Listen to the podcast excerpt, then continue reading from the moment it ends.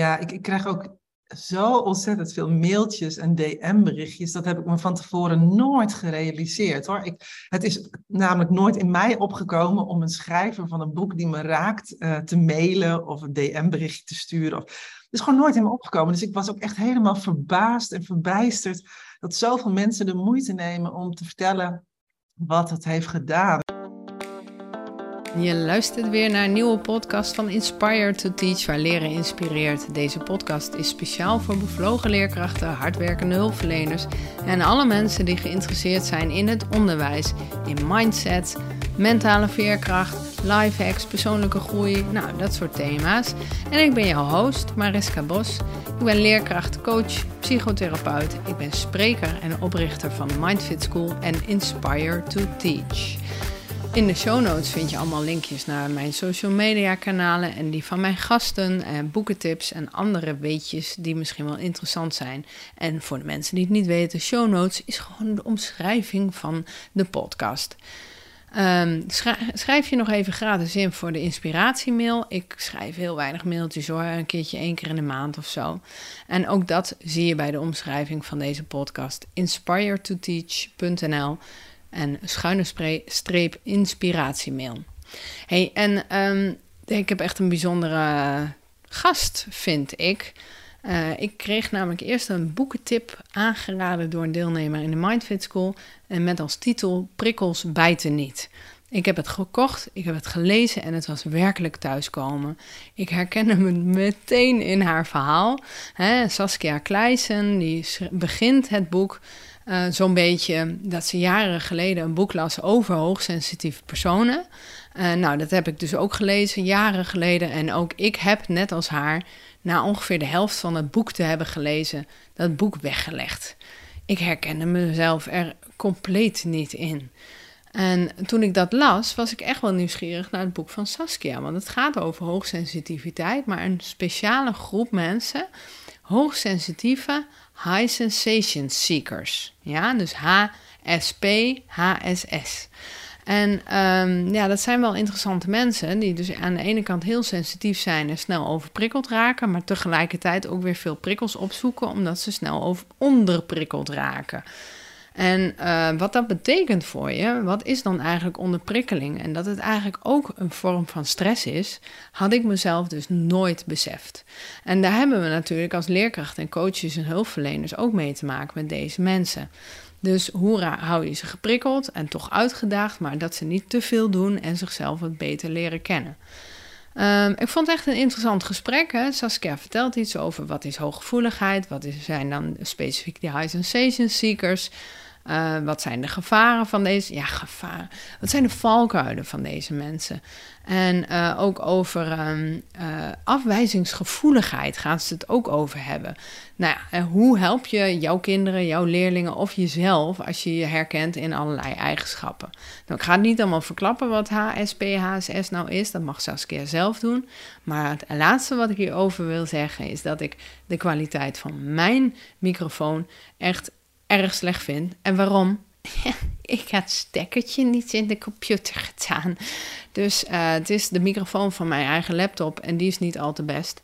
Dus uh, als je er heel erg zelf gevoelig bent voor bepaalde geluidskwaliteit, uh, denk ik sowieso niet dat je naar mijn podcast zou luisteren. Want ik ga niet echt voor perfecte geluid. Um, maar ik, ik, vond wel, uh, ja, ik vond er wel wat van. Dus uh, vergeef mij alsjeblieft. En ik hoop dat het je niet te veel afleidt. Uh, en dat je je kunt, aandacht kunt richten op de inhoud. Dus zit er helemaal klaar voor, zou ik zeggen, voor dit mooie gesprek met Saskia Kleijsen, schrijfster van het boek Prikkels bijten niet. Zij is coach en trainer. En nou, hier komt hij.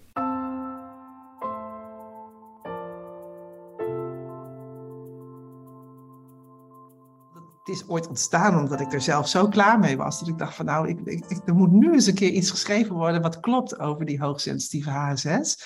Want het is altijd zoveel onzin wat er geschreven wordt. En ik dacht, ja, als ik dat toch vind, dan moet ik zelf maar eens even wat gaan doen. Want het gaat niet vanzelf veranderen. En uh, door dit boek ja, er zijn zoveel exemplaren verkocht. Het, het, heeft echt iets gedaan. En daar ben ik ook heel trots op en ook heel blij mee. Omdat ik wil dat iedereen gewoon lekker zichzelf kan zijn. En niet steeds denkt dat je raar bent of anders bent. Of ook maar eens tevreden moet zijn. Of uh, nee, dat er ook mensen zijn die houden gewoon van heel veel afwisseling. En zijn ook gevoelig. En ook overprikkeld, maar ook onderprikkeld. En nou ja, dat. Nou ja, dat dus. En, en de, de, het Pippi Langkous CV bijvoorbeeld, verhaal. Hè? Dus dat je van alles doet waar mensen denken van... Ja, heb je dan nooit een keuze gemaakt? Of je weet ook nooit wat je wil? Of afspraak, uh, uitspraken zoals... Uh, je moet wel één ding kiezen. Ja, focus nu eens een keertje. Kies eens wat. ik heb dan hè, drie, ik heb een praktijk, jeugdtherapiepraktijk. Ik heb de Mindfit School. Ik heb Inspire to Teach voor die trainingen en lezingen. En volgens alle uh, business coaches is dat gewoon echt heel slecht. Maar het loopt gewoon lekker. Ja. Ja, het werkt gewoon. Weet je, ah, hoe, ik geloof er echt heilig in. Hoe dichter je bij jezelf bent en het helemaal van binnen uitkomt, dan werkt het gewoon. En uh, ja, misschien zou je multimiljonair kunnen zijn als je één ding doet. Maar daar gaat het helemaal niet om. Het gaat over het plezier wat je hebt en het enthousiasme en de nieuwsgierigheid. En als je dat in je bedrijf neerzet, dan trek je in ieder geval een groep mensen die daar ook heel blij van worden. En dat is een win-win, want dan ben jij blij met je klanten en je klanten blij met jou. Nou, dat, dat is toch waar het over gaat. Het draagt bij aan je welzijn als je daar uh, naar luistert. En je boodschap wordt veel krachtiger, want je bent gewoon helemaal congruent met wie jij bent als ondernemer.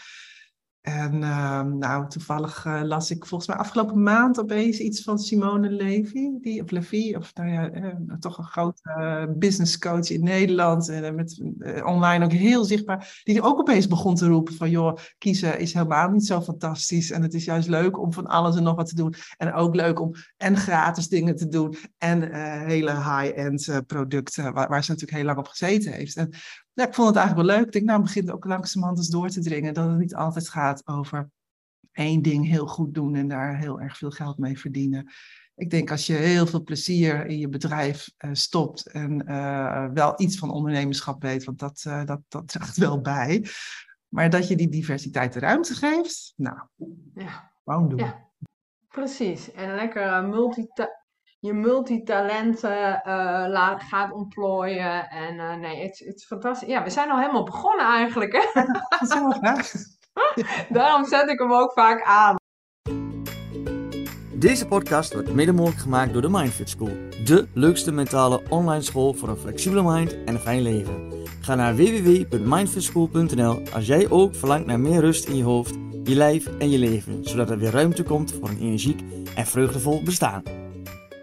Nou, ik vind jouw video's er echt fantastisch uitzien. Ik, wat mij ook aanspreekt is dat je heel vaak uh, het visueel maakt, ook echt met, met poppetjes erbij en zo. Dus dat is echt uh, voor uh, zowel kinderen als volwassenen heel, heel, ja, dat werkt gewoon heel goed. Dan kun je er gewoon een, een beeld bij maken en ja, fijn. Het is eigenlijk per ongeluk ontstaan. Want ik, ik coach heel veel systemisch en uh, om, om, structuren op tafel duidelijk te laten zien. En je kan een verhaal hebben en je zet het neer met poppetjes. En dan opeens zie je hele andere dingen. En dat geeft ontzettend veel eye-openers.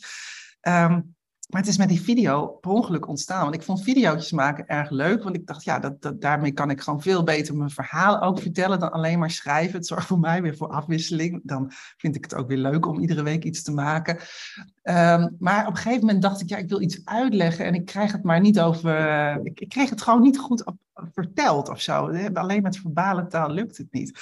Dus toen dacht ik, weet je wat, ik ga het gewoon met poppetjes uitbeelden. En, da en daar werd zo goed op gereageerd. Maar ik dacht, oh, oh, dit werkt kennelijk en mensen vinden dat leuk. En eigenlijk heel logisch, want ik heb heel veel mensen met een heel visueel brein, uh, soms veel beelddenkers. Dus ja, natuurlijk landt die boodschap veel meer. En, en ze, ze, komen net zoals mijn cliënten in de ervaring als ik met poppetjes ga schuiven. Dus uh, toen is dat eigenlijk een soort van geboren en dat heb ik niet meer losgelaten.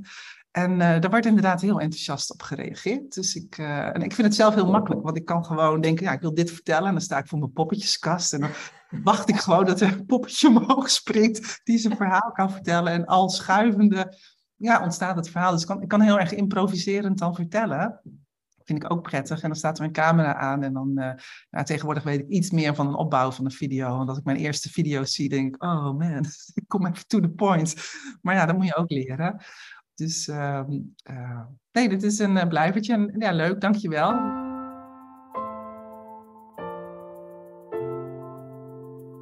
de vaste podcastluisteraars weten dat ik bij een interview altijd vraag: welke leerkracht vergeet jij nooit meer en waarom? Ja, ik vond het een hele leuke vraag. Um, want ik, ik, uh, ik heb eigenlijk maar met twee docenten nog uit mijn basisschooltijd die me echt bij zijn gebleven. Dus ik, dacht, oh, dat is wel grappig. De hele middelbare school, ja, daar plop, ploppen wel wat mensen op. Maar ik denk, nee, nee het, zijn, het is echt mijn eerste, uh, de, de juf van de eerste klas, ja, dat heet nu groep drie. Maar die is me altijd bijgebleven. Want um, ik zat op een kleuterschooltje uh, vlakbij mijn huis. En daar hoorde een, uh, ja, toen nog een, een, het heet het heette toen nog geen basisschool, het heette gewoon de lagere school of zo, geloof ik. Uh, en die zat ernaast. Alleen mijn ouders vonden dat een hele conservatieve school. En die wilden mij wat moderner onderwijs bieden. Daar ben ik ze nog steeds heel dankbaar voor. Dus ik moest naar een school helemaal aan de andere kant van het stadje waar ik woonde. En de juf die ik toen zou krijgen in groep drie, die kwam bij mij op bezoek op de kleuterschool. Die kwam gewoon midden in het speelkwartier naast mij zitten in de zandbak. En ik vond dat zo bijzonder, want het was, een, het was in mijn beleving een soort prinses. Ze had heel mooi bruin lang haar en een hele mooie jurk aan. En ik zat daar met mijn rubberlazen, mijn grote broekje, in de zandbak. En zij kwam gewoon in die zandbak naast mij zitten. En dat is me altijd bijgebleven. En ze, ging gewoon, ze was heel lief. En uh, dat heeft ze ook in de klas hield ze dat ook gewoon vol. Dus ik kwam eigenlijk als wildvreemd kindje in een bestaande klas. En zij heeft dat heel mooi opgevangen. Zij heeft me eigenlijk gelijk aan het begin uh, naast iemand gezet. En dat was ook een juf, een hele jonge juf. Ze was nog niet getrouwd, kan ik me herinneren, deze twee jaar later. En zij keek gewoon heel goed naar jou als kind. Dus ik voelde me heel erg gezien. Uh, doordat ze zo lief was en empathisch. En ik mocht daar ook al direct op eigen tempo werken. Dat was toen heel uniek. Dat bestond helemaal nog niet zo. Maar we hadden van die mooie stencils, geniet. van die prachtige werkboekjes natuurlijk. Maar toen, had hele mooie stencilbladen waar je op eigen tempo in mocht werken. En ik, ik vond dat altijd heerlijk als ik dan zo'n nieuw boekje mocht openmaken. En dan zat ik daar te glunderen en dat zag ze dan ook. Dus ze kon ook heel erg mee dan in dat enthousiasme. En dat, dat is me altijd bijgebleven. Maar vooral het zandbakmoment. Hmm. het was toch heel spannend hè, dat je naar een andere school gaat dan je vriendjes en vriendinnetjes. En uh, ik heb me geen dag, dag vervelend daar gevoeld. Hè. Als je nu achteraf weet, ik, ja, je bent hoogsensitief kind, grote veranderingen zijn heftig. Dat weet ik nu, omdat ik toen naar de middelbare school daar echt dramatisch vond. En de overgang van de kleuterschool naar zo'n nieuwe basisschool, dat is zo soepel gegaan dankzij haar. Dankzij haar, uh, ja, misschien, misschien was ze ook wel heel sensitief, dat weet ik eigenlijk niet. Maar het was, het was in ieder geval een uh, hele lieve, mooie juf. Die is me erg bijgebleven. En later heb ik nog een meester gehad, meester Huttinga. Dit was bij juffrouw Brons en uh, meester Huttinga. Die zat in, uh, dat is groep 6 uh, geweest. En dat was een, ja, een hele strenge leraar eigenlijk, maar het was heel helder. De kaders waren helder. En hij was heel humoristisch. Ik vond, ik vond zijn grapjes altijd zo leuk. En hij, hij schreef. Dat vond ik ook zo heel mooi. Dat, dat, hij schreef een boek en die, en die las die voor in de klas. Ik weet eigenlijk niet of dat boek ooit afgekomen is, maar het ging over een zilveren parel, weet ik nog. En met, met twee kinderen die allerlei avonturen beleefden om die parel te vinden. Nou, ik vond het fascinerend, dat, dat, dat, dat hele fantasierijke. Ik kon daar ontzettend in mee. Dus ik vond het altijd heel erg genieten als hij dan ging voorlezen uit zijn eigen boek. En het feit dat die meester een boek schreef. Nou, dat, uh, dus ik ben toen ook verhalen gaan schrijven, weet ik nog. Ik heb verhaaltjes geschreven die ik onlangs nog eens een keer weer terugvond. Hè, omdat mijn ouders met een hele grote doos bij mij kwamen met allemaal meuk van vroeger. En daar zaten allemaal van die kladjes in van schriftjes met, met halfbakken verhaaltjes. Maar ik dacht, ja, dat is wel uit die tijd. Dat, dat, dat schrijven, dat vond ik toen leuk. En hij was daar wel een soort inspiratiebron voor. Later hoorde ik van oude klasgenoten dat ze dat zo'n vreselijke man vonden, dat hij zo streng was en dat hij ontplofte in de klas. Nou, ik kan me er helemaal niks meer van herinneren. In mijn beleving was het een hele grappige, creatieve man waar ik enorm van genoten heb. Ja, ik hoor het veel hoor, zo'n rode draad van wat hebben kinderen nodig dan, hè? dat gezien worden, lief, ook duidelijkheid. En wat je nu ook noemt, is dat een leerkracht iets waar hij zelf enthousiast van wordt, dat hij dat meeneemt. En dat het bij veel mensen toch belandt, omdat je daar vanuit je eigen passie, ja, daar zijn kinderen heel gevoelig voor, dat wil overbrengen. Zo hebben wij hier in Hengelo uh, Paul Smit. En die, in groep 8 ging iedereen moonwalkend de klas uit. En die is gewoon Michael Jackson fan. Sommige kinderen worden er niet goed van. Andere kinderen die werden ook Michael Jackson fan. En er werd gewoon thriller door, in de hele stad met heel veel klassen. Gingen ze gewoon thriller op het grote plein uh, nadoen, zeg maar, playbacken. Nou, dat is fantastisch. Ja, ik krijg daar kippenvel van. Ik vind, ik vind dat super als, een, als de persoonlijkheid van de juf en de meester heel goed te zien is. Ik vond het ook toen mijn kinderen op de basisschool zaten, dat ze ook het meest aansloegen op, op docenten die dat doen. En, en ik, ik denk ook wat je zegt, van nou misschien was hè, de juf uh, was, misschien wel sensitief. En ik zie dat er heel veel leerkrachten, uh, onderwijzers, docenten, dat die uh, sensitief zijn. Ja, en zeker dan even een mooi bruggetje naar jouw boek, Prikkels bijten niet. Achterin staat een lijst, want we gaan het hebben over hoogsensitiviteit en met name high sensation seekers. Um, je mag je zo even voorstellen, maar achter in je boek uh, staat ook een vragenlijst. En die heb ik zelf ook ingevuld voor mezelf. En ik was ook wel benieuwd naar mijn man. Dus die is vanmorgen hier netjes op een stoeltje gaan zitten en ik heb de vragen gesteld. en wat kwam eruit? Als we het hebben over de HSP-lijst, de High, uh, high uh, Hoogsensitieve Personenlijst en de High Sensation Seeker lijst, score ik op HSP 29 van de 43. En hij 17 van de 3, 43. Is hij dan een HSP'er? Ja, ingewikkeld is dat, hè? Ja, weet je, deze test is, uh, uh, is, die in het boek staat, is een mengvorm van de oude test die uh, Elaine Aron al in begin jaren 90 heeft ontwikkeld. En uh, die is aangevuld met vragen die Esther Bergsma tegenwoordig ook in haar testen heeft. Uh, al, althans, heeft nu net weer een nieuwe gelanceerd. Dus dat, dat, dat hoor ik pas volgende week hoe die eruit ziet.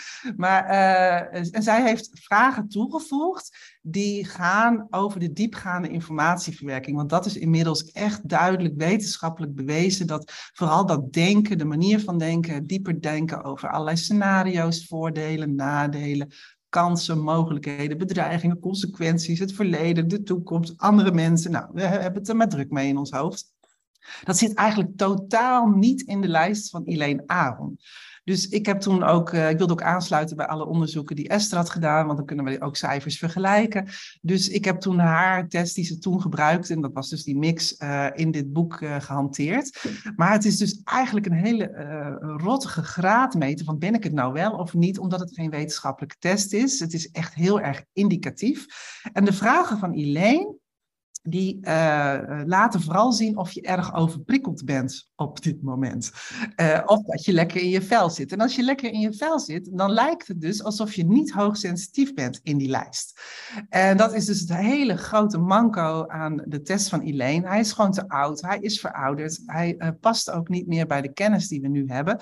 Dus ze hebben inmiddels, ik geloof dat het afgelopen maanden is gebeurd, bij de Universiteit in Leiden is een nieuwe test gelanceerd die ook meer ingaat op de kwaliteiten die schijnt wel beter te zijn. Uh, maar wat ik nu alweer voor kritiek hoor, is dat het ook die test weer voortborduurt op de oude testen en niet de nieuwe wetenschappelijke kennis, zoals die diepgaande informatieverwerking, er goed in heeft verwerkt. Dus daarom heeft Esther uh, waarschijnlijk zelf weer uh, hard gewerkt aan een test die kloppender is. Dus ja, die, die getallen die zeggen minder.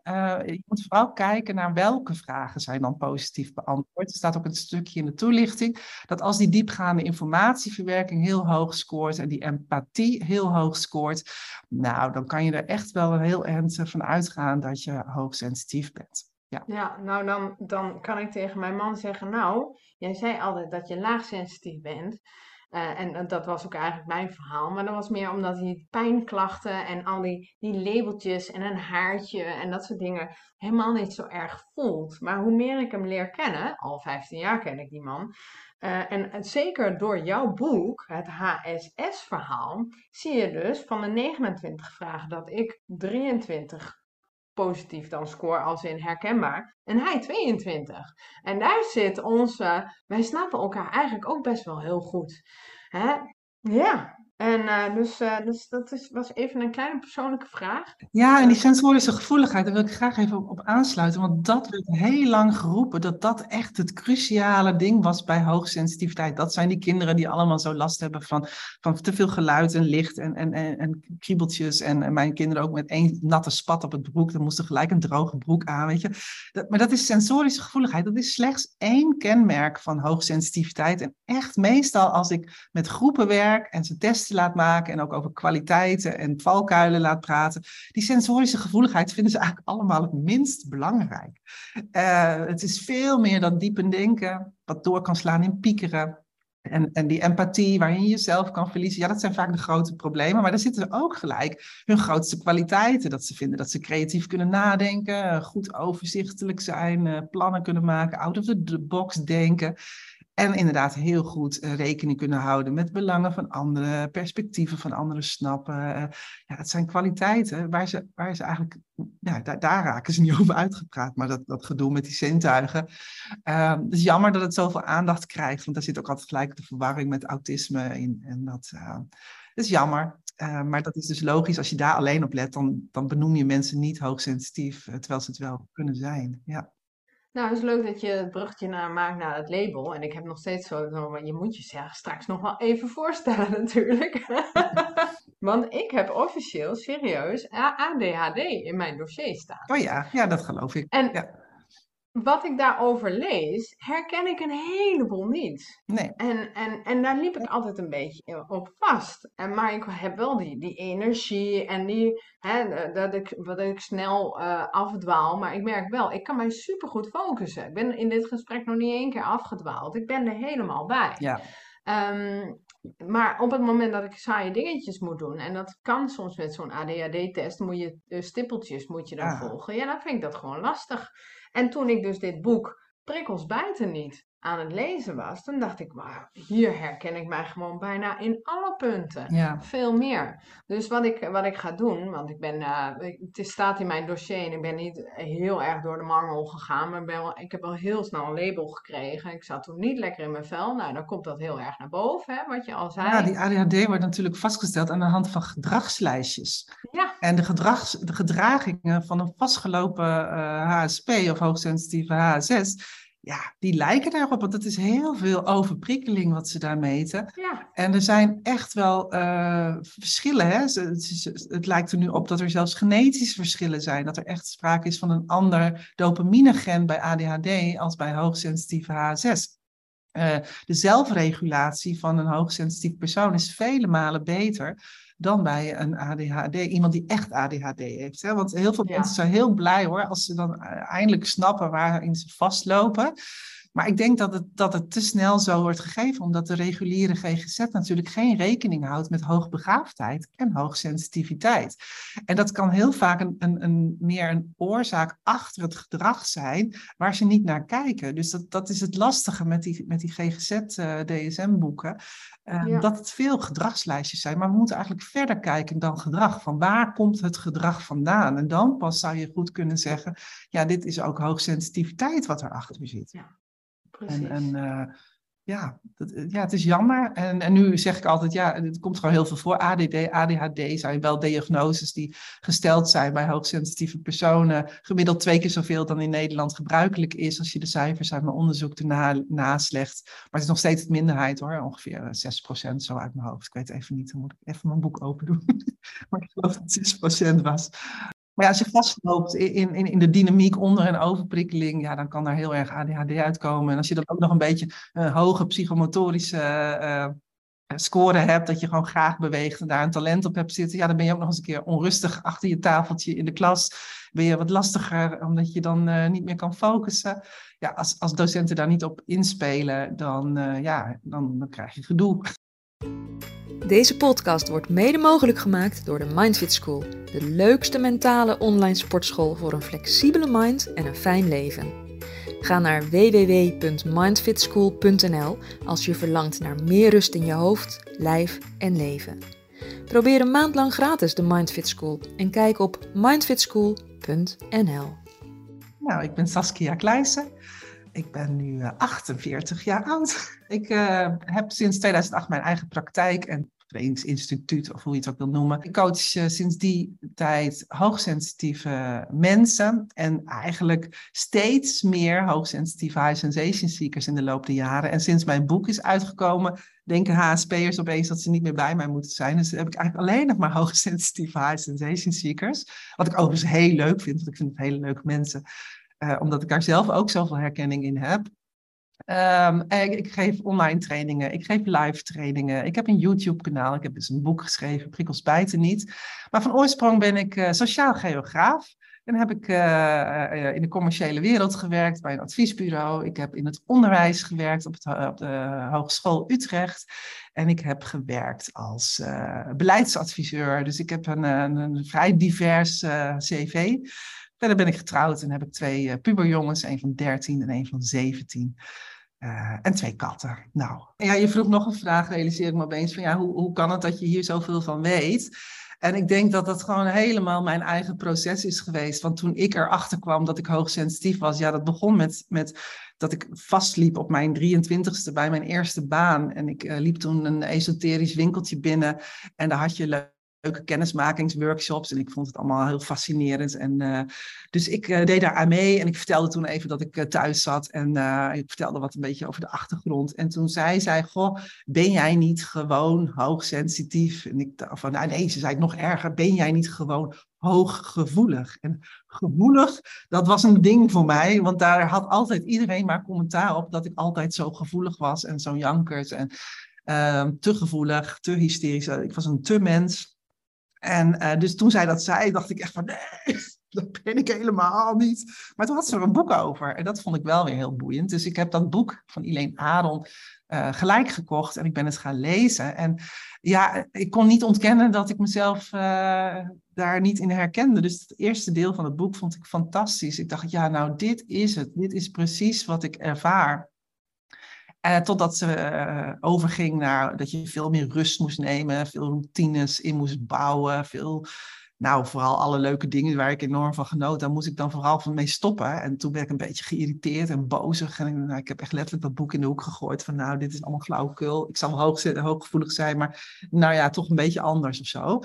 Um, en dat was het begin. En toen ik had altijd al een fascinatie in mensen. Waarom doen mensen zoals ze doen? En waarom zeggen ze ja als ik nee voel en, en andersom? En uh, die incongruentie vond ik altijd heel ingewikkeld. Dus um, ik ben toen begonnen, omdat ik toch zelf steeds veel gestrest was met allerlei opleidingen om beter bij mezelf te blijven. En toen de tijd was daar niet zoveel in, dus ik kwam heel snel ook in de energetische healing, reading-achtige hoeken terecht, wat me heel erg goed heeft gedaan, heel goed geholpen heeft. En Um, maar er was meer, er was nog steeds geen verklaring voor dat ik ook veel denk en um, anders denk dan andere mensen. Dus ik ben ook heel veel coachingsopleidingen gaan doen. En in de communicatie in mijn werk was dat ook heel handig hoor. Dus ik, ik kon veel, NLP-opleidingen hielpen me enorm in, in vergadercircuits om, om, om boven tafel te krijgen wat ik wel kon voelen in de onderhuidse lagen, maar niet, dat mensen niet uitspraken. Uh, als er weerstanden waren, kon ik dat veel makkelijker uh, handelen. En op een gegeven moment werd, het, die belangstelling zo groot dat, dat ik op een gegeven moment riep bij mijn, denk, mijn diploma-uitreiking van NLP eh, Master of zo, dat ik zei, ja, en ik word coach.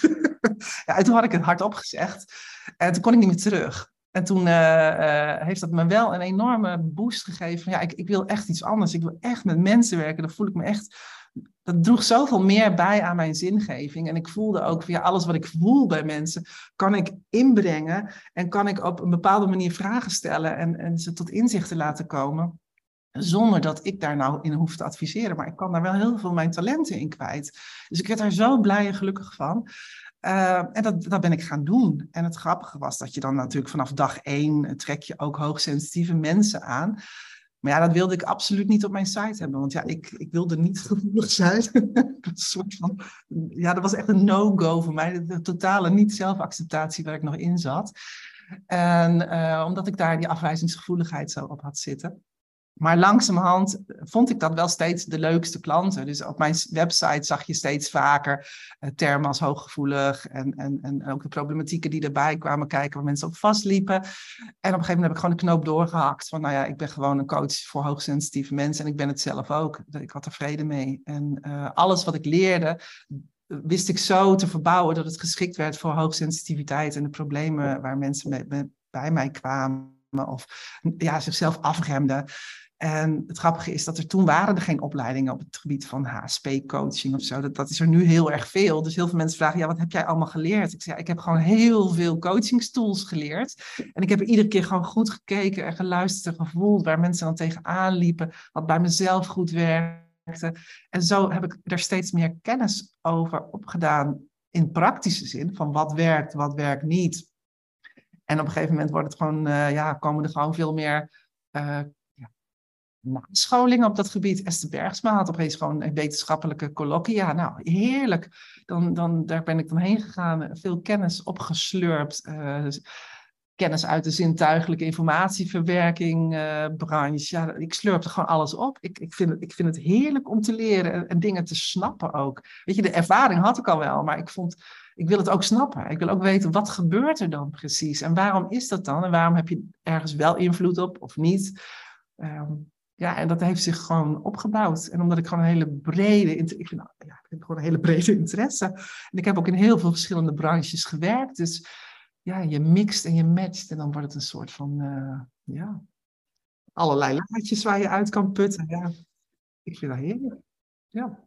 Noemt al wel wat, wat termen waar ik nog wel dieper op in wil gaan. Je, je zei iets over afwijzingsgevoeligheid en ook een burn-out of bore-out. Want dat, dat vind ik wel heel mooi als ik ook met mensen praat in mijn praktijk. Hebben we het, of onderwijzers hebben we het heel veel over, nou die is overprikkeld. Hè? En ja, ik werk ook veel met hoogbegaafde uh, mensen. En dan zie je ook van ja, oh, het wordt een beetje te veel en ze worden moe. En dan, oh, ik ben overprikkeld. En dat kan natuurlijk wel zo zijn. Maar hoe meer ik erover nadenk en over weet, is dat, ja, en dat zie ik ook in jouw boek, heel mooi dat je uitlegt wat nou eigenlijk die onderprikkeling is.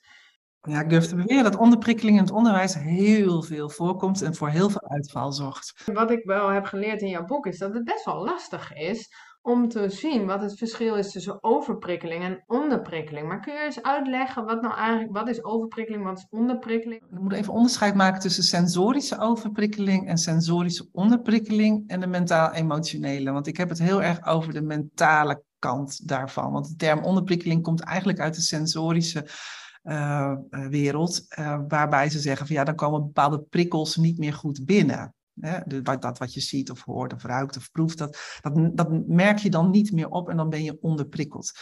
Um, maar ik ontdekte op een gegeven moment dat in hoogsensitiviteitsland hadden we het altijd maar over overprikkeling. En ik had toen heel intensief contact met uh, Tol, die heeft ook een boek geschreven over overprikkeling. Ze is helaas overleden, maar we hadden af en toe intervisie met elkaar, want wij, wij ja, ik, ik, dacht eigenlijk dat wij de enige twee waren die in Nederland met dat onderwerp bezig waren. Dat was niet zo. Maar we waren wel een van de eersten. En toen zij daarover uh, schreef en mij dingen uitlegde over de theorieën die ze daarover had ontwikkeld, toen had ik op een gegeven moment zoiets van, maar weet je, zou je ook stress kunnen krijgen van de verkeerde prikkels? De prikkels die jou niet meer voeden. En zij herkende het gelijk. Um, en toen zei ze, ja, dat is een goed punt. Want stress is stress, maar de oorzaak kan totaal verschillend zijn. En in hoogsensitiviteitsland was het altijd zo van ja, als je te veel prikkels hebt, dan ben je dus overprikkeld. En dan kijk je maar naar één, één as, namelijk de as van heb ik weinig prikkels, dan zou ik onderprikkeld zijn. Heb ik te veel prikkels, dan ben ik overprikkeld. En de meeste mensen mm, die gaven overprikkeling een synoniem, uh, vonden dat een synoniem van stress. Stress is overprikkeling. En ik begon dat steeds meer uh, dat begon me steeds meer tegen te staan, omdat ik ook de indruk had dat, dat er iets anders meespeelde. Dat je ook van, van de routine en de sleur en altijd maar hetzelfde moeten doen, ja, dan heb je het hartstikke druk. Maar is dat dan nog overprikkeling of is er een ander probleem? Want alleen rust nemen, heb ik zelf al ontdekt, helaas, uh, na een burn-out. Nou ja, op een gegeven moment herstel je wel weer. Maar dan ga je weer terug naar diezelfde plek met dezelfde ellende. En dan ben je weer heel snel, val je onderuit. En ja, toen heeft eh, Vermeulen uit België, die heeft mij toen de ogen geopend. Want die had een boek geschreven over de bore-out. En ik heb toen haar gevraagd om naar Nederland te komen en een keer les over te gaan geven. En zij zei, ja, het zit hem echt in de kwaliteit ook van de prikkels die je krijgt. Dus draagt het nog bij aan jouw blijheid? Draagt het nog bij aan, jou, uh, aan de uitdagingen die jij ziet? Draagt het bij aan het enthousiasme wat je voelt? De, de, de, de voldoening die je ervaart in het werk. En als je heel veel dingen herhaalt, dan draagt het steeds minder bij aan jouw eigen enthousiasme en blijheid. Zeker als je het profiel hebt van een hoogsensitieve high sensation seeker, want er wordt steeds minder dopamine gemaakt. Dus je gaat het letterlijk, het, lampje gaat een beetje uit. En ik, ik heb dat meegemaakt in het adviesbureau wat, waar ik werkte. Dan moest je een, uh, kwaliteit van de dienstverlening meten bij woningbouwverenigingen. En dat deden we op een hele leuke manier. Er waren enquêtes, maar we hadden ook allemaal bewonersbijeenkomsten met leuke creatieve werkmethodes. En, uh, allerlei bestuurssessies en uh, heel erg afwisselend. Superleuk om te doen, de eerste keer. Want toen was alles nieuw, nieuw, nieuw, nieuw. Dus ja, dan was het genieten. En dan was je ook verrast van de uitkomsten en, leuke adviezen die je daarin kon ontwikkelen. Maar ja, bij een commercieel adviesbureau heb je een product ontwikkeld en dan moet je het voor de tweede keer verkopen en de derde keer en de vierde keer. En iedere keer is die opbouw hetzelfde. En iedere keer, ja, de uitkomsten, weet je, op een gegeven moment herken je echt de uitkomsten wel. Het is niet, de ene woningbouwvereniging is dan niet heel erg anders dan een andere woningbouwvereniging. Dus ik ging al langzamerhand uit. Dan had ik het zo druk met die projecten. Maar ik genoot er niet meer van. Een hoogsensitieve sensation gaat aan als er een intense beleving ergens is. Dus dat is nieuwsgierigheid, dat is enthousiasme, dat is een gevoel van vrijheid, ontdekken, exploreren. Ja, dan word je blij, dan word je happy. Ehm, maar als dat weg is, dan uh, ga je uit en je hebt het wel heel druk. Dus je, je voelt je overprikkeld. Je voelt gewoon stress. Je voelt alle symptomen. Je wordt een korte lontje, je wordt moe. Je sleep je naar je werk. Je begint te zuchten, te steunen, te kreunen. En uh, nek gaat vastzitten en vaker hoofdpijn. Dus alle symptomen zijn vrijwel hetzelfde. Want stress is stress. Waar het ook van komt, die, de oorzaak haal je er niet uit. Dus de enige manier om te achterhalen van, hey, ben ik nou over of onderprikkeld, is te kijken naar de kwaliteit van de activiteiten. Droeg het bij aan zingeving, uitdaging, voldoening en jouw blijheid? Had je überhaupt nog een sterke beleving ergens bij? En als dat wegvalt, dan kan je rustig zeggen dat je heel veel moedjes hebt, actielijstjes, sleur, routines, dingen die moeten. Waar je, nou ja, als je daar 80% van je tijd mee bezig bent, dan weet je zeker dat je overprikkeld bent. En in het onderwijs, ja, weet je, het onderwijs is zo veranderd. Weet je hoeveel administratie onderwijzers wel niet bij moeten gaan houden tegenwoordig. En hoeveel tijd kwijt zijn aan al die extra ellende die, die losstaat van eigenlijk het echte onderwijs met kinderen ja, daar gaan heel veel mensen van uit. Dat is zo zonde, want je raakt heel je passie, je gedrevenheid, die je voelt met, met kind, als je met kinderen werkt, dat gaat een beetje uit. En al die vergaderingen, die eindeloze nou ja, ik, ik, ik, hoor, ik heb veel onderwijzers in mijn omgeving en ik heb ze ook veel in de praktijk. Dus dat, dat, ja, dat vergadercircuit in het onderwijs is een verschrikking. Ja, heel herkenbaar. Het is ook inderdaad heel duidelijk, zoals je dat zegt, hoe zo'n bore-out kan, uh, kan ontstaan. Hè? En dat dat eh, heel erg lijkt op die overprikkeling, maar dat eigenlijk de, waar het vandaan komt, als je niet meer genoeg vreugde, zingeving, blijheid, die dopamine rushes hebt van oh dat lukt en nieuwe dingen ontdekken, nieuw, nieuwe maniertjes vinden. En die creativiteit moet je erin kwijt natuurlijk. Als dat wegvalt, ja, dan ga je ook echt een beetje uit. En dat is ook in het onderwijs, hè? De, de, de, de onderwijsmethodes. Je, je hebt als docent lijkt wel steeds minder vrijheid hoe jij je kinderen iets wil bijbrengen. En um, ook dat is natuurlijk niet echt fijn voor je eigen uitdaging. Weet je, dan wordt het herkauwen van materiaal. Um, en ik denk echt dat de ene docent daar nog heel creatief mee om kan gaan dan de andere. Maar ik zie wel dat dat op een gegeven moment ook veel herhaling wordt. En um, de nadruk in Nederland wordt zo gelegd op rekenen en taal en dat soort vaardigheden. Dat ook al die andere vaardigheden die waanzinnig belangrijk zijn voor de ontwikkeling van een kind uh, ook richting jongvolwassenheid, dat wordt steeds uh, minder. En ik denk ook echt dat dat ook een reden is waarom bijvoorbeeld studenten nu allemaal zo prestatiegericht zijn geworden. Dat zijn ze van jongs af aan al gewend. Weet je, je moet altijd goed scoren. Er is weinig ruimte voor jouw eigen dingen, je eigen creativiteit en eigen broeds en sudder en fladdertijd en een beetje aanlummeltijd. Ja, dat kan haast niet meer, lijkt wel. En ik denk echt dat dat een heel groot manco is wat in ons onderwijs is geslopen. Dat de individuele vrijheid en de individuele creativiteit de kop in wordt gedrukt om te voldoen aan de normen en de prestatie die we leveren moeten. Nou ja, helemaal mee eens. Ik zie het helemaal terug. Ik zie ook een andere beweging waarin er docenten, leerkrachten zijn die zeggen: dit moet gewoon anders. En ik heb gelukkig in mijn kring echt, eh, echt hele mooie gesprekken. En dat ik denk: jeetje, dat, eh, we hebben oog voor kwaliteit en creativiteit. En we gooien die methode aan de kant en kijken wat, wat zijn de leerdoelen. En kan dat niet op een creatievere manier. Nou, ik herken het heel erg ook als beginnende leerkracht dat ik soms de taalmethode opensloeg en dat ik wel snapte wat, wat de bedoeling was, maar de les zelf, dat ik echt zo'n gevoel had van ik schaam mij rot als ik deze les echt moet gaan geven op deze manier. Het is niet jouw les. En als docent ben jij, ben jij de, jouw persoonlijkheid, um, die, die, die moet matchen met de kinderen in mijn beleving. Dat, dat, dan raak je kinderen, dan raken ze gedreven. Maar als jij een les van een ander moet geven waar je zelf geen feeling mee hebt, dan draag je het natuurlijk heel. Ja, ik, ik heb het wel eens geprobeerd op de hogeschool, een, een les te geven die iemand anders gemaakt had. En dan zat ik ernaar te kijken. Ik denk, wat wil, wat, wil, wat wil die nou dat ik hier ga vertellen? ik heb dat één keer gedaan. Toen dacht dit doe ik echt nooit weer. Want ik, ik voel er niks bij. Dus dan draag ik iets over. Nou, ik hoor mijn, eh, mijn zoon nu wel uh, klagen. zit nu voor het eerst op de HBO. En hij zegt, ja, dan ga ik erheen. En staat een meneer een PowerPoint voor te, op te dreunen. Ja, dat kan ik thuis ook wel lezen. En ik denk, ja, dat is geen les krijgen. Dat komt omdat er dan iets overgedragen moet worden. En dat heeft waarschijnlijk iemand anders gemaakt, waardoor je geen ziel, geen ziel meer krijgt in het verhaal. En dat, dat, is, uh, ja, dat is killing. Hey, jij hebt het ook over um, afwijzingsgevoeligheid. Kun je daar iets over vertellen? Wat, wat is dat eigenlijk? En hoe herkennen we dat?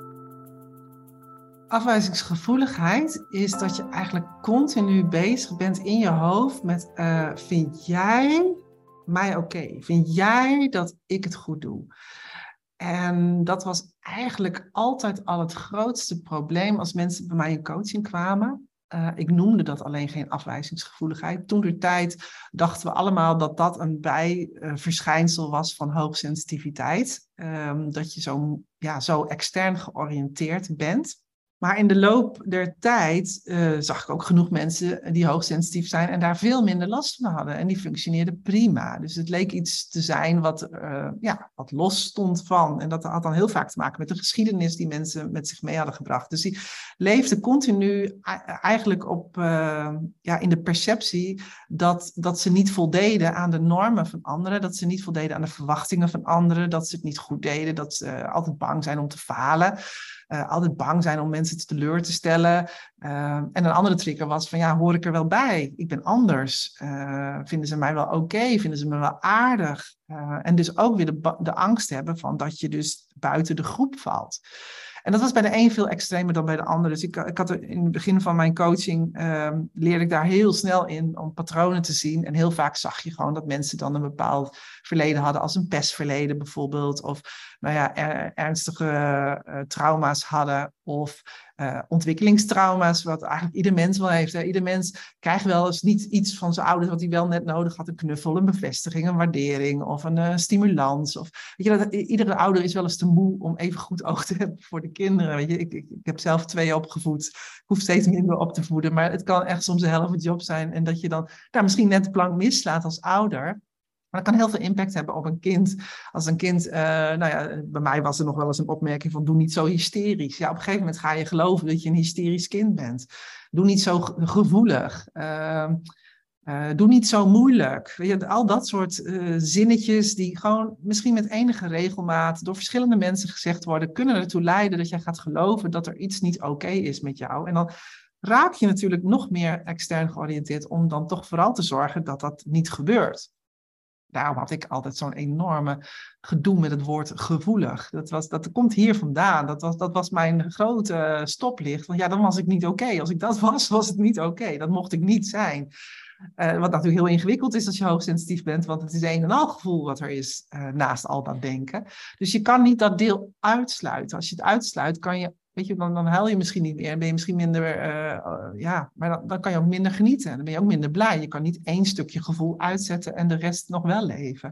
Dus dan ga je nog meer naar je hoofd. Dus dat had ik wel op een gegeven moment in de gaten. Maar toen bleek uh, met het boek van Elke van Hoof uit België, nog niet eens zoveel jaren geleden, dat het gewoon een naam had. Rejection sensitivity. Het had gewoon een naam, dat wist ik veel. um, ja, ik kwam niet uit de psychologie. Dus toen zag ik heel duidelijk het onderscheid. Mensen met rejection sensitivity en mensen zonder rejection sensitivity. Ieder mens heeft wel iets van afwijzingsgevoeligheid. Hè? Laten we wel zijn, iedereen is wel eens onzeker doe ik het goed of vinden ze me aardig? Dat is heel normaal, want wij moesten vroeger al bij de roedel horen. Want als we niet bij de roedel hoorden, ja, dan werd je verstoten en dan is je overlevingskans gewoon heel gering. Dus ons brein is heel erg angstgestuurd, we moeten erbij horen. Ehm, maar het is iets anders als je in de houtgreep ervan komt. Dus dat je niet meer vrijheid hebt om te handelen wat goed is voor jou en, en de omgeving. Dus dan, dan heb je geen keuzevrijheid meer. Dan ga je bijvoorbeeld automatisch pleasen. Dus iemand anders is teleurgesteld. Oh, nou ja, dan gaan we wel doen wat jij wil. Weet je, zo. En dan zet je jezelf steeds aan de kant. Of je gaat net als ik knetterhard werken. Ik werkte bij een adviesbureau en net als afgestudeerd uh, meisje. ik kwam nog maar net kijken en moest werken met echt hele ervaren professionals ehm, die al echt gepokt en gemazeld waren in allerlei politieke krachtenvelden. Ik vond het allemaal heel ingewikkeld. Dus ik, ik was tot diep in de, lang, diep in de nacht soms uh, aan het schrijven, aan mijn rapportages, aan onderzoek, SPSS. Ach, ja, is een, een, SPSS is een, een, programma waarin je enquêtes kan analyseren. Nou, dat was toen de tijd nog met veel programmeren. Ik kon dat niet zo goed, dus ik was eindeloos aan het klooien om maar dat eruit te krijgen wat er in het rapport moest. Ik was heel erg mijn best aan doen, want als ik het maar goed deed, dan hadden ze geen kritiek op mij. Dan, dan, dan, uh, nou ja, dan zou de wereld niet vergaan, in mijn beleving. Dus dan ga je overmatig uh, perfectionistisch gedrag vertonen. En ik had geen keuze om te denken, nou vanavond even niet, of vanavond ga ik lekker sporten, of ga even, lekker op de bank uh, iets anders, of even naar een vriend of vriendin. dat kon niet meer, want dat rapport moest af. En dan, ja, dan ben je in de houtgreep. Dan heb je geen vrijheid van handelen meer. Dan ben je de hele tijd maar bang dat de ander iets van jou vindt. En dat wordt heel ongrijpbaar, want die wordt heel erg afhankelijk van wat die ander vindt. Maar ja, daar ga ik helemaal niet over wat die ander vindt. Weet je, ik heb daar helemaal geen invloed op. Ik, uh, die ander mag, mag ook vinden wat hij vindt. Uh, dat betekent niet dat ik dan gelijk niet deug, weet je. Dus dat is uh, voor heel veel hoogsensitieve mensen een struggle, omdat in ieder geval ik en waarschijnlijk jij ook opgegroeid bent in een tijd waar gewoon geen kennis was. Er was geen kennis over hooggevoeligheid. Er was geen kennis over hoogbegaafdheid, hoogsensitiviteit en alles wat ermee te maken heeft. We wisten niet dat er zoveel verschillen waren in, in de werking van breinen. Dus ja, het was uh, dan vooral lastig, hè? Als, als, als je ergens last van had. En natuurlijk kreeg je dan uh, commentaar of je, of je moet dan schikken in hoe het in de klas gaat. Of, uh, en nu is het uh, vanaf 2011 zoveel bekend dat nu worden kinderen anders begeleid of anders opgevoed, waardoor ze veel meer accepteren in wie ze zijn en dat ze anders misschien zijn. En dat, dat is nog, nog steeds wel een struggle. Ik zie dat ook wel bij mijn pubers weer, dat, dat in die puberteit is het heel ingewikkeld om te ontdekken dat je dan toch wel op een aantal fronten verschillend bent van de andere kinderen. En um, die zelfacceptatie, ja, je hebt het ook een soort van te leren. Dat je nou eenmaal gevoeliger bent en misschien even wat sneller rust hebt. En dat het oké is dat je hele andere hobby's wil dan iedereen voetbalt. Maar als jij daar niet van houdt, jij vindt het leuk om uh, heel iets anders te doen. Uh, omdat je een hoogsensitief HSS bent. Dus ja, de ene keer is het even voetballen, dan is het weer een hele andere sport. Uh, dat dat wisselt, ja, dat, dat is oké. Maar ja, je, je meet je in de puber betekent nou heel erg gewoon aan de anderen. Dus je hebt als rol als opvoeder of als docent uh, daar wel goed op te letten. Uh, omdat iedereen anders mag zijn. En er is gewoon veel meer aandacht voor. Dus ik denk dat de huidige generatie opgroeit uh, tot volwassenen die hier minder last van zullen hebben. nu uit de cijfers zie je dat maar 9% van de hoogsensitieve mensen zich begrepen heeft gevoeld in zijn sensitiviteit. Dat is heel weinig, hè? Dat wil niet zeggen dat je gelijk een slechte jeugd hebt gehad, want uh, ongeveer een derde is, uh, is er heel blij mee geweest. Maar het geeft wel aan dat de kans op een ontwikkelingstrauma heel groot is. Dat je, hè, als je je altijd daarin niet begrepen hebt gevoeld, word je daar niet in gezien, gehoord en gekend en, en herken je je ook niet in anderen.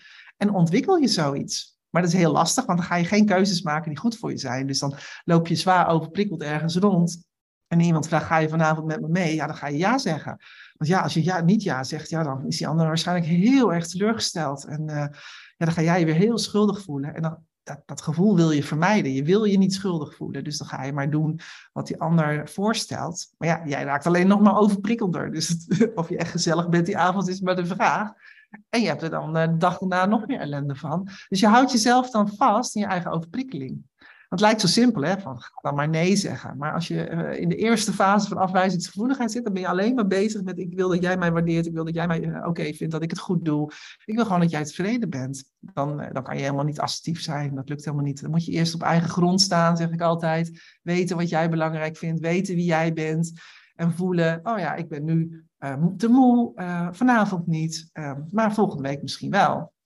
En uh, als je dan onderprikkeld op werk rondloopt, dan weet je op een gegeven moment wel, ja, ik zou eigenlijk iets anders moeten gaan doen. Zeker als je dan een boek hebt gelezen. Maar ja, eh, ik lees dan die vacature en, dat, en dat, kan ik nog niet helemaal. En ja, misschien moet ik dan toch eerst een opleiding volgen voordat ik kan gaan solliciteren. Want ik moet, ja, dat moet ik dan wel goed kunnen. En dan laat ik mijn collega's ook in de steek. Dat is ook lullig. En dan laat ik hun met de ellende zitten. Um, ja, dan hou je dus je eigen onderprikkelingen stand. Of uh, in het onderwijs, ja, het is zielig voor de kinderen als ik wegga. Of uh, ja, weet je, dat, is, dat, dat, dat, dat draagt dan zo bij aan, aan de, ja, de manier van hoe jij beslissingen maakt, die heel ongezond zijn voor jou. Dus die onder- en overprikkeling, uh, ja, die raakt nog meer uit balans als je last hebt van afwijzingsgevoeligheid. Want dan leef je op de grond van de ander. Dan maak je het heel erg de ander naar het zin, zonder dat je weet of die überhaupt daarop zit te wachten trouwens. Het kan ook heel irritant zijn, namelijk. Ja, en dan is het heel mooi om in, in als je daar helemaal in vastloopt en, uh, en, en de eerste stappen niet kunt zetten, of door de bomen het bos niet, uh, niet meer uh, ziet, om, om wel iemand, je hoeft het niet allemaal alleen te doen, dan denken we wel eens, hè, dat is dan stom. En ik hoor nog steeds, ben ik verbaasd, echt verbaasd over van, ja, maar je bent toch niet gek? Ik ga toch niet meer naar een psycholoog of naar een coach of therapeut? Er is toch niks mis met mij? hè, maar hoe, hoe mooi is het als je ja, daardoor sneller weer uh, op je eigen grond staat en uh, ja, keuzes maakt die op lange termijn gewoon gezonder voor je zijn. Zodat je niet in een bore-out of burn-out terechtkomt. En ik heb wel, en dat herken jij misschien ook wel, dat ik wel eens denk, goh, weet je, als ik al vraag hoe lang be bepaalde dingen spelen en of je dingen al vanuit heel lang geleden al herkent, is het eigenlijk van ja, ik, ik liep tien jaar geleden ook al vast of drie jaar geleden. En hoe mooi zou het zijn geweest dat je sneller ja, mensen vindt, zoals jij of ik of iemand anders die je kan helpen, die er verstand van heeft, om je eventjes weer op weg te helpen. Van, goh, weet je dat, dat, je te maken, dat je te maken hebt met afwijzingsgevoeligheid? Wat weet je over onderprikkeling, overprikkeling en wat heb jij op dit moment nodig? Ja, daarom vind ik het ook zo belangrijk dat we heel veel goede informatie beschikbaar maken. Daarom vind ik dat YouTube-kanaal van mij bijvoorbeeld heel belangrijk. Want daarmee bereik ik zo ontzettend veel mensen die in een filmpje herkenning vinden en opeens denken: Oh, ik ben niet gek. Oh,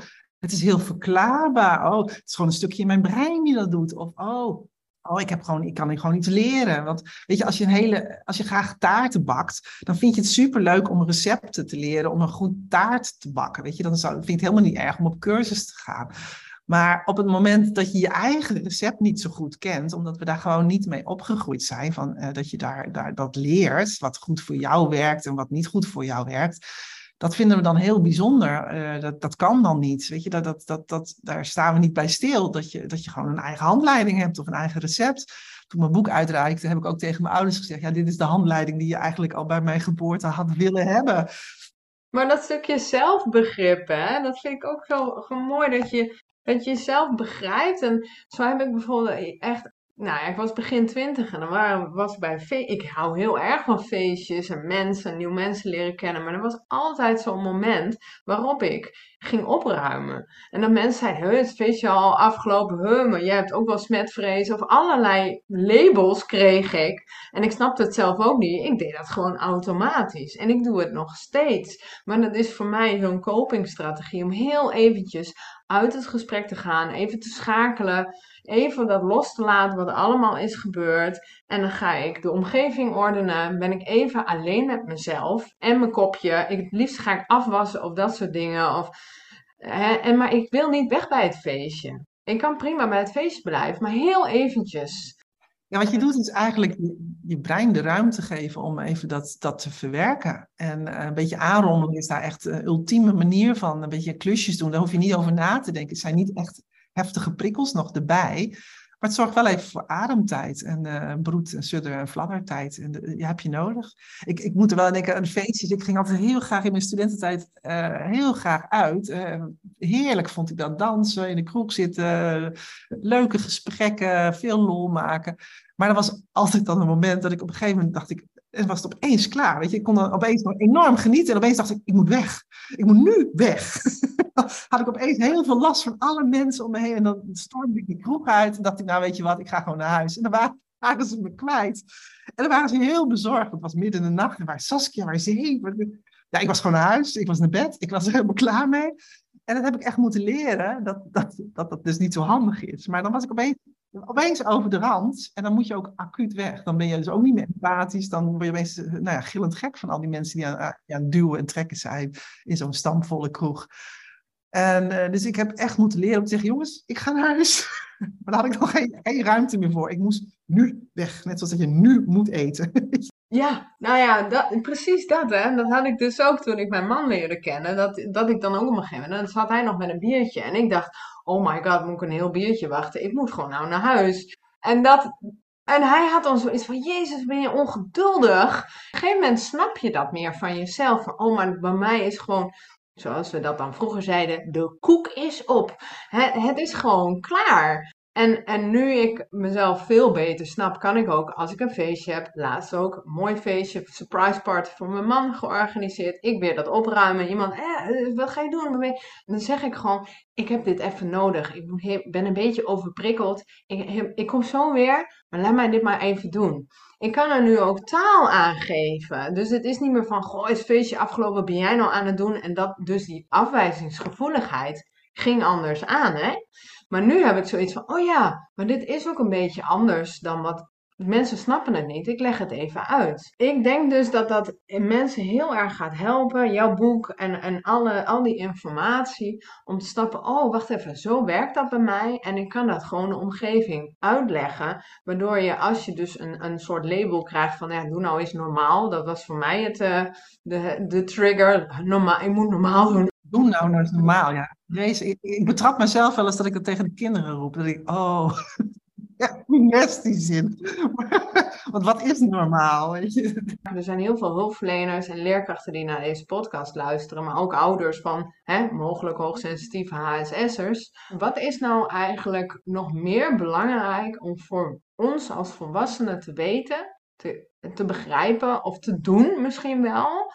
Um, waardoor we het wat makkelijker maken voor de jongeren, de kinderen die wij in de klas hebben, in de praktijk of in huis. Ja, ik, ik vind een paar dingen heel belangrijk. Ik vind het lastig om te kiezen, want er zijn er zoveel. Maar ik denk dat het heel belangrijk is dat, dat een kind tijd krijgt om te verwerken. Dus op het moment dat hij dat niet krijgt, is hij overprikkeld en vertoont hij naar gedrag. Uh, in ieder geval gedrag waar de omgeving vaak last van heeft. Uh, en voor zichzelf ook enorm emotioneel kan worden. Uh, boos, verdrietig, stamvoeten. Het kan allemaal. Maar als je een kind tijdig leert zijn signalen te snappen dat hij even moet chillen. of even apart moet zitten. Ik vind die stiltehuisjes die nu overal opduiken ook zo ontzettend leuk. Dat een kind de ruimte kan krijgen om even alleen te zijn en zijn eigen dingetje te doen. Um, dat zal heel veel helpen. Ook op verjaardagen bijvoorbeeld, hè? maar ook in die drukke klassen. Dat, dat een kind de ruimte heeft om die diepgaande informatieverwerking de ruimte te geven. Dat vind ik een hele belangrijke. Want dat scheelt zoveel overprikkeling. Eh, wat er misschien op school niet uitkomt, komt er namelijk thuis uit. Dus dat thuis kunnen ze dan helemaal onhandelbaar zijn. Wat ik ook belangrijk vind, is dat we kinderen leren uh, te kijken naar wat ze nodig hebben. En dat eh, bij hoogsensitieve high sensation zieke kinderen, die herken je doordat ze al veel afwisseling nodig hebben en sneller verveeld zijn. Dat is niet ontevreden gedrag of ondankbaar gedrag. Of uh, dat ze niet geen doorzettingsvermogen hebben. Of al dat soort labels en oordelen die erop geplakt worden. Nee, dit is een kind die houdt van afwisseling. Die blijft daardoor ook enthousiast. Uh, dat betekent dat hij dus nou, ik vond het soms wel ellende. Mijn kind was al heel snel uitgekeken op speelgoed. die kon echt helemaal. Nou ja, dan had hij echt een prachtig pakket. En dan was hij er helemaal blij mee. En na een week spelen, dan donderde hij het in de hoek. En dan was het klaar. Wat heel logisch is, want dan is het geen uitdaging meer, dan is er geen enthousiasme meer, dan, dan is het dus klaar. Dus je zal iets meer creatief, ja, wat creatievere ouder moeten zijn om, om dat kind ook lekker bezig te houden. Die heeft gewoon wat meer, meer nodig in afwisseling van activiteiten. En uh, dat is wel lastig, want dat, gebeurt ook bij hobby's. Dus uh, ik, ja, weet je, ik kreeg vroeger te horen van ja, je moet het afmaken. Weet je, dan was ik helemaal klaar met mijn dwarsfluitlessen. Ik stond daar jankend bij de muziekdocent mijn, niet geoefende stukken te spelen. Omdat ik het, het, gewoon zo niet leuk meer vond. Maar ik moest het afmaken. Maar ik heb nooit begrepen wanneer het dan af is. Weet je, moet ik dan op het conservatorium zitten? Of is het af als ik mijn muziekstuk een keer foutloos heb gespeeld? Op een gegeven moment, na een jaar, was ik er gewoon klaar mee, of twee jaar. En, en ik heb die fluit nog steeds. Ik heb hem nooit meer aangeraakt, omdat de aversie tegen het spelen zo groot werd. Ehm, en het grappige is dat mijn ouders eigenlijk uh, mensen zijn die heel veel verschillende hobby's hebben. Die heel veel uh, verschillende dingen zich eigen maken. Maar als kind ja, moest, je een muziek, moest ik een muziekinstrument kiezen en één sport. En dat, dat heb ik dan heel mijn jeugd gedaan. En ik denk dat dat bij de H6-kindjes werkt dat gewoon niet zo. Er is gewoon meer afwisseling, ze zijn sneller verveeld. Uh, zo zit hun brein in elkaar. En op het moment dat ze verveeld zijn, worden ze heel lamlendig en dan komt er helemaal niks meer uit hun handen. Dus dan, dan, dan, dan gaan ze heel erg denken. Maar ze kunnen niet meer plannen, niet meer organiseren, niet meer in actie komen. Nou is dat bij kinderen sowieso lastig, want die executieve functies moeten nog ontwikkeld worden. Maar dat wordt nog erger als ze onderprikkeld zijn, want dan gaat het helemaal uit. Uh, dat kan ook een fenomeen zijn wat er bij hoogbegaafden veel gebeurt. Hè? Dat ze zeggen, ze, ja, de executieve vaardigheden zijn niet goed ontwikkeld. Hebben ze allemaal namen voor in het onderwijs, dat weet ik allemaal niet zo goed. Maar uh, ik denk wel eens van, zijn die kinderen niet gewoon hartstikke onderprikkeld? Want uh, ja, mijn kinderen kregen pluswerkjes, maar dat betekende gewoon tien keer zoveel doen dan een ander. En, en mijn jongste, die begon heel hard te huilen, die dacht dat hij straf kreeg. Ja, zijn, zijn buurmannetje hoefde het niet te doen en hij moest twee, drie keer zoveel rekenwerk doen. Ja, dat was pluswerk. Maar daar ging hij van uit. En daar werd er heel verdrietig en down van. En gelukkig had ik het toen door, toen wist ik dit. Uh, bij de oudste wist ik dat nog niet. Dat vind ik wel irritant. Dat als je zo vroeg met dit vak bent begonnen als ik, dat je eigenlijk alles achteraf heel goed snapt. En nu, nu kunnen mensen gelukkig daar rekening mee houden. Maar mijn oudste heeft dat allemaal braaf moeten doen. En die heeft heel zijn motivatie voor, voor, voor school en, en, huiswerk, is die daardoor verloren. En de jongste, die kreeg gelukkig een meester waarvan ik zei, ja weet je, hij gaat hiervan uit. Weet je, hij voelt dit als straf omdat hij gewoon onderprikkeld is. Kun je die jongen niet gewoon iets leuks laten doen, iets creatiefs? Want dat rekenen kan hij toch al. Hij voldoet al aan de norm. Je moet de nieuwsgierigheid en het enthousiasme uh, weten te prikkelen, want dan gaan ze aan. En dan moet je dus wel aansluiten bij de interesses. En gelukkig had de jongste van mij dan de meester die zei, goh, wat vind je leuk om te doen? En toen zei mijn, mijn jongste, tekenen. nou, hij heeft inderdaad een paar weken getekend totdat hij niet meer wist wat hij moest tekenen. Uh, dus toen moest hij wel weer wat uitgedaagd worden. In, uh, en toen, nou, toen mocht ik ook kiezen tussen verschillende thema's. Ik weet niet, ze hadden hele mooie themahoekjes uh, van natuuronderwijs tot creatief onderwijs tot programmeren. En, nou ja, daar, daar kon hij iets uitkiezen. Maar ja, er was maar één docent waar dat heel goed geregeld was. Die, die liet ook kinderen gewoon even rustig een rondje buiten het speelkwartier rondrennen en draven. Zodat ze weer gefocust in de klas zaten. Ik denk, ja, zo ingewikkeld is het allemaal niet. Als je gewoon goed kijkt wat er nodig is. dan weet ik wel, een volle klas, dat je niet altijd van ieder kind dat goed doorhebt. Maar een vraag van, goh, wat vind jij leuk, wat heb je nodig, is toch wel snel gesteld. Of aan de ouders tijdens een oudergesprek. Om te snappen uh, of een kind over- of onderprikkeld is. Um, ja. ja. Mee eens. En daardoor is die, die zelfzorg voor leerkrachten juist ook heel belangrijk. Hè? Dus zorg zelf als, als docent dat je zelf niet onderprikkeld of overprikkeld bent. Want stress zorgt ervoor dat je niet heel creatief wordt. En dan kom je niet op de meest eenvoudige vragen die je kunt stellen of oplossingen.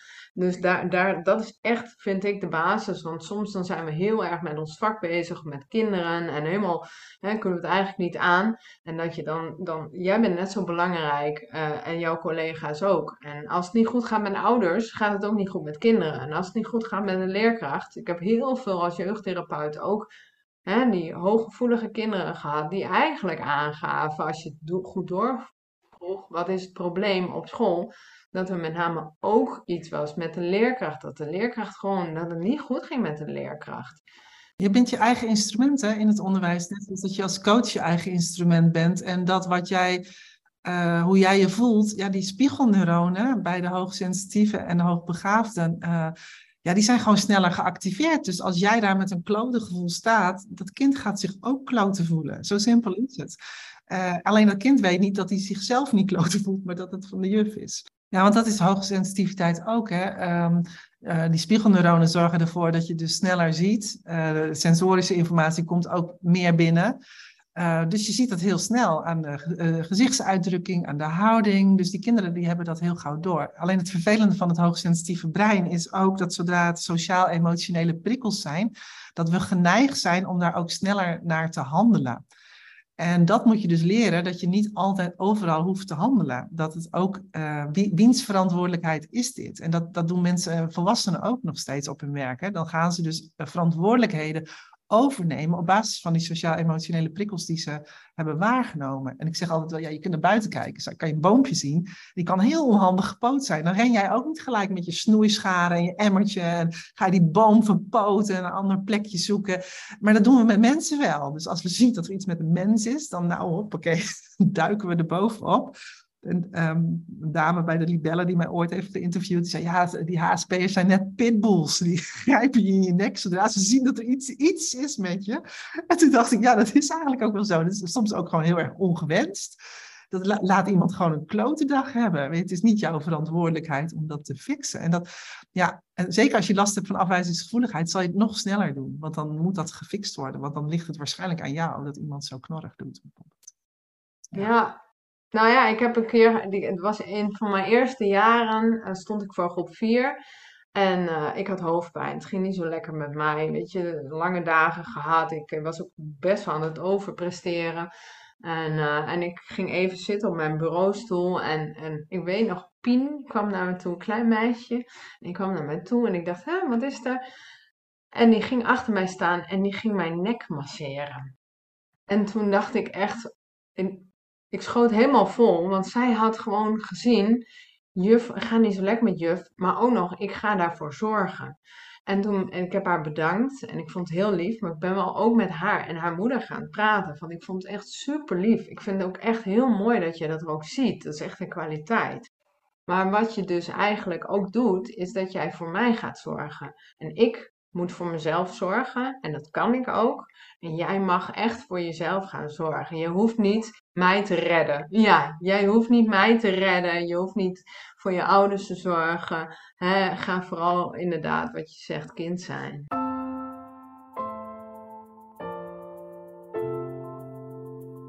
Ik vind dat we al heel veel in dit gesprek hebben aangeraakt, Saskia. Uh, is er nog iets waarvan je zegt, nou, dat, dat vind ik wel leuk om de luisteraars nog mee te geven? Ja, dat zijn twee dingen. En dat zijn ook gelijk de belangrijkste thema's die we al hebben aangekaart. En daarom is het natuurlijk ook mijn werk geworden.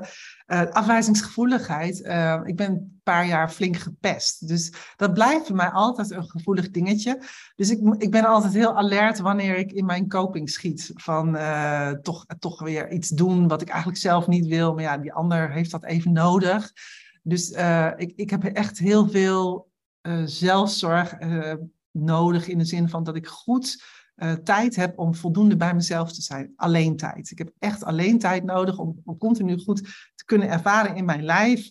Van, oh, is dit echt een beweging vanuit mij? Of is dit een, anticipeer ik alleen maar gewoon een soort blind op de ander? Dus ben ik dan weer aan het chameleonnen. Um, dus ik, ik moet zorgen dat ik gewoon goed in mijn vel zit om mijn werk goed te kunnen doen. ik werk met mensen, dus wat jij ook zei, je moet zorgen dat je goed zelf zit. En, en, een van de dingen is dat, dat ik dus alert blijf op het gedrag wat ik zelf heb als coach uh, en de cliënt. Want ik heb veel cliënten met afwijzingsgevoeligheid. Dus als ik niet alert ben en het niet voel in mijn lijf, gaan ze doen wat, ik, wat ze verwachten dat, dat ik verwacht. en dan krijg je een enorme overdracht tegen overdracht. Dus ik moet daar heel goed op letten dat ik goed in mijn vel zit en goed bij mezelf ben om hun patronen te herkennen, maar ook mijn eigen patronen. Uh, dat is belangrijk. Um, en mijn eeuwige strijd in onder- en overprikkeling. Ik zit er weer helemaal in. Ik moet, mijn hele online training moet uh, geactualiseerd worden. Daar ben ik nu al een paar maanden mee bezig, want alle filmpjes moeten overnieuw. Ik heb ook een nieuwe branding, dus alles moet opnieuw gemaakt worden. Is herhaling, is routine.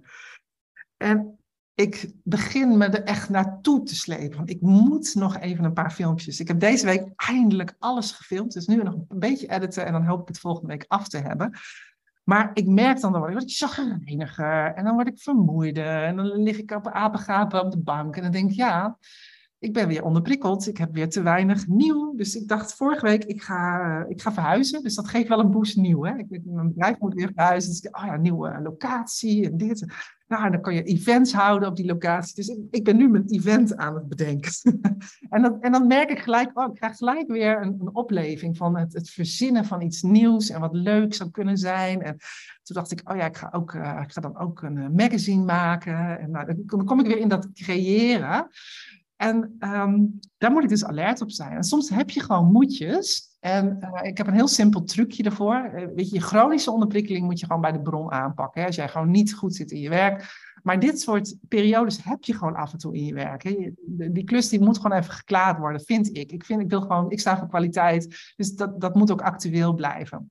Daar sta ik voor. Met als gevolg dat ik wat dingen in herhaling moet doen. Maar als ik dat wil doen, kan ik beter eerst even iets leuks doen. En dan een moetje. Want als je eerst iets leuks doet, dan zit je in zo'n do-vibe. Dan doe je executieve vaardigheden het lekker. En dan zijn die rotklusjes, die, die jij ervaart als een moetje of op je actielijstje staan, die zijn zomaar klaar. Maar als ik opsta en ik denk, mm, ik moet de hele dag boekhouden. Ik moet de hele dag. Dan begin ik al in zo'n zo'n down, lamlendige staat van zijn. En dan zou ik mezelf nog moeten activeren om die rotklussen te doen. En dan ben je heel traag. Dan ga je een beetje lantefanteren. En dan, uh, nou ja, die boekhouding die komt in ieder geval niet af. Dat is wel duidelijk. Uitstellen. Ehm, en dan weet je gewoon, ja, dit is onderprikkelend. Dus dan kan je beter eerst even iets leuks doen. Uh, of een halve dag iets leuks. En dan aan het eind nog even een uurtje. Uh, dat, dat, dat vervelende boekhoudwerk. Of uh, soms beslis ik gewoon de dag van tevoren. Ik, ik heb gewoon morgen een rotdag. Ik ga de hele dag boekhouden. maar aan het eind van de dag is klaar. En dan ben ik ook gewoon scheidchagrijnig aan het eind van de dag. Dan hoef ik ook niet boos op mezelf te worden dat ik, uh, dat ik me rot voel of dat ik uh, niet zo lief ben. Ik zeg ook thuis, ik ben de boekhouding aan het doen. Ik ben nu niet echt de leukste moeder en partner. Dus laat mij vooral met rust. Um, en dan uh, morgen weer een dag, zeg maar. En dan, dan gun ik mezelf dat maar gewoon. Want anders, uh, ja, weet je, je kan daar heel erg oordelend over zijn. Maar het is gewoon onderprikkeling. En uh, ja, gelukkig heb ik een boekhouding. Oh, dat is zo herkenbaar. Ook met de, met de boekhouding. Daar helpt mijn man me mee. En wij, wij hebben zelden ruzie of gezeur. Maar met de boekhouding, ik kan me dan ook... Ik ben echt zo'n Gadverdamme. En ik vind mezelf dan ook weer zo verwend, weet je wel. Ik denk, ja, we kunnen toch gewoon even een boekhouding doen. Toch niet zo moeilijk. Maar, dus nou probeer ik dat um, rustig uh, adem in, adem uit. En, en, en het is zo klaar. En, en daarna inderdaad wat leuks te doen. Want ik heb gevierd, nee, ik heb iets gedaan en dat mag gevierd worden. En dat helpt inderdaad. Want als je alleen maar die saaie dingen doet, ja, dat... Gaat uit. Je brein gaat letterlijk uit. En dat wil mensen zeggen ook, ik kan mijn aanknopje niet meer vinden. En dat, dat is, het hoort ook gewoon bij de hoogsensitieve H6. En dat is voor mij niet anders dan iemand anders, ook al weet ik er heel veel van. Het voordeel van mij is dat ik het heel snel herken. Ik weet dan wat er gebeurt. En dat, dat scheelt ook een heleboel, want heel veel mensen snappen niet waarom, waarom ze zich opeens zo voelen en zo geïrriteerd reageren naar hun partner. En op het moment dat je het snapt, dan heb je er ook begrip voor en dan wijs je jezelf niet af en dan wordt het niet erger in ieder geval. Want heel veel mensen halen er dan gelijk van alles bij. Ja, en ik, ik doe het ook niet goed en het is ook altijd hetzelfde. En, nou ja, en dan gaan ze zichzelf helemaal de grond in praten alsof het hele leven niet deugt. In plaats van dat je gewoon denkt, oh ja, ik ben overprikkeld, ik ben onderprikkeld, ik heb nu even dit nodig en daarna handelen. Dat, dat, dat is fijn. Ik vind het ook een beetje verwend, hè? Dat zegt mijn hoofd dan van... Nou... Ja, maar dat is wat we natuurlijk te horen gekregen hebben. Als je als kind daarna weer een ander speelgoedje wil of een andere hobby, ja, doe niet zo verwend. Wees eens tevreden, wees eens dankbaar. De kindertjes in Afrika hebben dat niet, weet je. Dat soort zinnetjes. Moet ik dan blij worden? Dat, dat, dat helpt niet, weet je. Het is gewoon, je interesse is er niet meer. Dus je hebt iets en dat als kind mag je dat nog ontdekken. Hè? Waar liggen jouw interesses? Dat ben je aan het ontdekken. En dat verandert ook in je loop van je leven. Dus als volwassene mag je dat ook jezelf toestaan. Dat, dat, ja, dat, dat is echt dat die zelfacceptatie en die zelfveroordeling, die, die, die komt vaak voort uit de afwijzingsgevoeligheid. Ja, dat is de volgende fase. Dan ben je in strijd met ik en mezelf, zeg ik altijd. Ja. en op het moment dat ik snap dat het ook iets met het dopaminegehalte te maken heeft, dat je steeds minder dopamine wordt aangemaakt en steeds minder prikkels, dus dat het echt wel iets is wat ook in, echt in je hersenen speelt, kan ik dat, ja, zo zit ik dan mee in elkaar, makkelijker accepteren van, oh, dit is niet verwend gedrag, dit is gewoon echt hoe mijn brein werkt. En uh, dan moet ik mezelf prikkelen met, met iets leuks. Dus uh, heb ik een podcast geëdit, wat ik op zich wel interessant vind en leerzaam en zo. Maar in principe is het niet heel erg boeiend. Dan uh, daarna ga ik even lekker lunchen, of ik een wandeling, of ik doe de muziek aan en ga lekker dansen. Om mezelf weer eventjes even die dopamine in het lijf te krijgen. Dan noem je nog wel een goeie, hè? Dat, dat, dat van stilzitten naar beweging is ook een hele belangrijke die je weer aankrijgt. Dus dat je even een dansje maakt of even beetje staccato-achtig beweegt, weet je, dat het een beetje horkerig beweegt, dat activeert het lichaam heel erg op het moment dat je lang stil hebt gezeten of veel computerwerk hebt gedaan. Dat, uh, en dan heb je juist weer een zintuigelijke benadering die enorm kan helpen, die kinderen meestal ook veel beter helpt dan alleen mentaal kijken van wat vind je leuk. Nee, de afwisseling van zintuigen kan al een heleboel doen.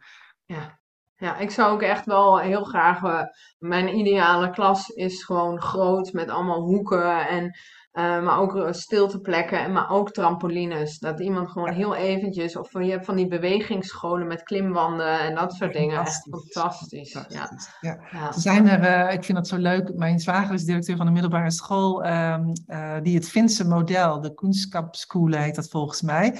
Dat is ook zo fantastisch. Dan heb je ook geen klaslokalen meer, maar ook allemaal gezellige hoekjes en leuke, leuke plekken waar je dingen kan ervaren. En je kan op je eigen niveau je wiskunde doen, weet je. Dat hoeft niet allemaal op hetzelfde niveau. Dus je hebt misschien uh, MAVO uh, wiskunde en VWO uh, scheikunde, wat mij betreft. Weet je, dat, dat soort dingen, dat, dat is wel de route die we mogen afleggen volgens mij met elkaar. ja. ja. Dat er is ook veel meer. Weet je, nu hebben we het over hoogsensitieve H6 en HSP'ers, maar het maakt eigenlijk niet zoveel uit hoe jouw brein werkt. Het zou fijn zijn als we gewoon zien dat ieder brein anders is. En het gewoon weer mensgericht kan zijn. Dat, dat zou toch wel mijn ultieme droom zijn. Uh, ja. Nou, dat vind ik echt fantastisch om daarmee af te sluiten. Saskia, dankjewel. Ik zou zeggen, lieve luisteraar, als jij helemaal tot het einde hebt geluisterd, kijk alsjeblieft even in de show notes. Ik zou de YouTube-kanaal van Saskia, die raad ik echt aan. Uh, is echt een, een, cadeautje om naar te kijken. Ik heb laatst in bad heb ik wel acht van die video's van jou gekeken. En ik, oh, ik ga straks met Saskia praten. En, um, hè, dus, dus, uh, en, en ook uh, jouw website. En, maar je geeft ook online trainingen, zei je. Hè? Maar dus ook, volgens mij heb je nog ergens een gratis training waarmee mensen... ja, of... ja. Ja, die, uh, dat is de gratis HSP vierdaagse. En daar leer je in ieder geval de basiskennis. Want dat vind ik gewoon belangrijk. Dat, het is, weet je, het beschikbare kennis en dat krijg je dan mooi achter elkaar. Van hoe werkt dat brein? Uh, wat is het wel? Wat is het niet? Welke kwaliteiten horen erbij? Welke valkuilen? Er zitten testjes in. Er zitten wat oefeningetjes in om te ontspannen. Uh, ik vertel een hele dag, of in ieder geval uh, één dagmodule, gaat helemaal over over- en onderprikkeling. En dat is meestal voor de meeste mensen de grootste eye-opener die erin zit. Nou, en op het moment dat je dan dat hebt gedaan en je wil nog meer, en je wil de diepte in en je wil meer persoonlijke inzichten, ja, dan heb ik een vervolg. En dat is een betaalde online training of een live training, kan je natuurlijk ook altijd nog komen doen. Um, ja, dat is ideaal. Ik vind gewoon dat heel veel basismateriaal moet, moet gratis beschikbaar zijn, zodat iedereen deze kennis heeft. Um, en daarom heb ik het ook gratis gemaakt. Het is, je krijgt ook echt waar voor. Het is niet zomaar een lullige één klein kort filmpje. Het is echt gewoon inhoud. Het is, het is bijna de, een hele module. Uh, omdat ik dat belangrijk vind. En dan is het nu wel tijd om te connecten met elkaar, vind je ook niet? Het beste kun je dat doen door je in te schrijven voor de inspiratiemail. En maak je geen zorgen, onze tijd is kostbaar, dus ik ga je echt niet elke week mailen. Een keertje één keer in de maand of zo. En dan echte inspiratie, dus de laatste podcast, maar ook wat ik zelf luister, lees of kijk wat ik inspirerend vond. En of ik nog een leuke training voor je in de aanbieding heb. Dat soort dingen. Geen lange verhalen. Nee joh, eh, onze tijd is kostbaar. En wil je nou connecten op Instagram, dan kan dat. Zorg dan dat je even juf Mariska opzoekt. Mariska Bos moet je dan kiezen. Er zijn meer juf Mariska's. En op LinkedIn kun je me ook vinden. Uh, onder Mariska Bos met SCH en Valk met een F. Ja, Mariska Bos Valk valk met een F. Nou, dan zie ik je vast ergens online en ik wens je nog een hele fijne dag.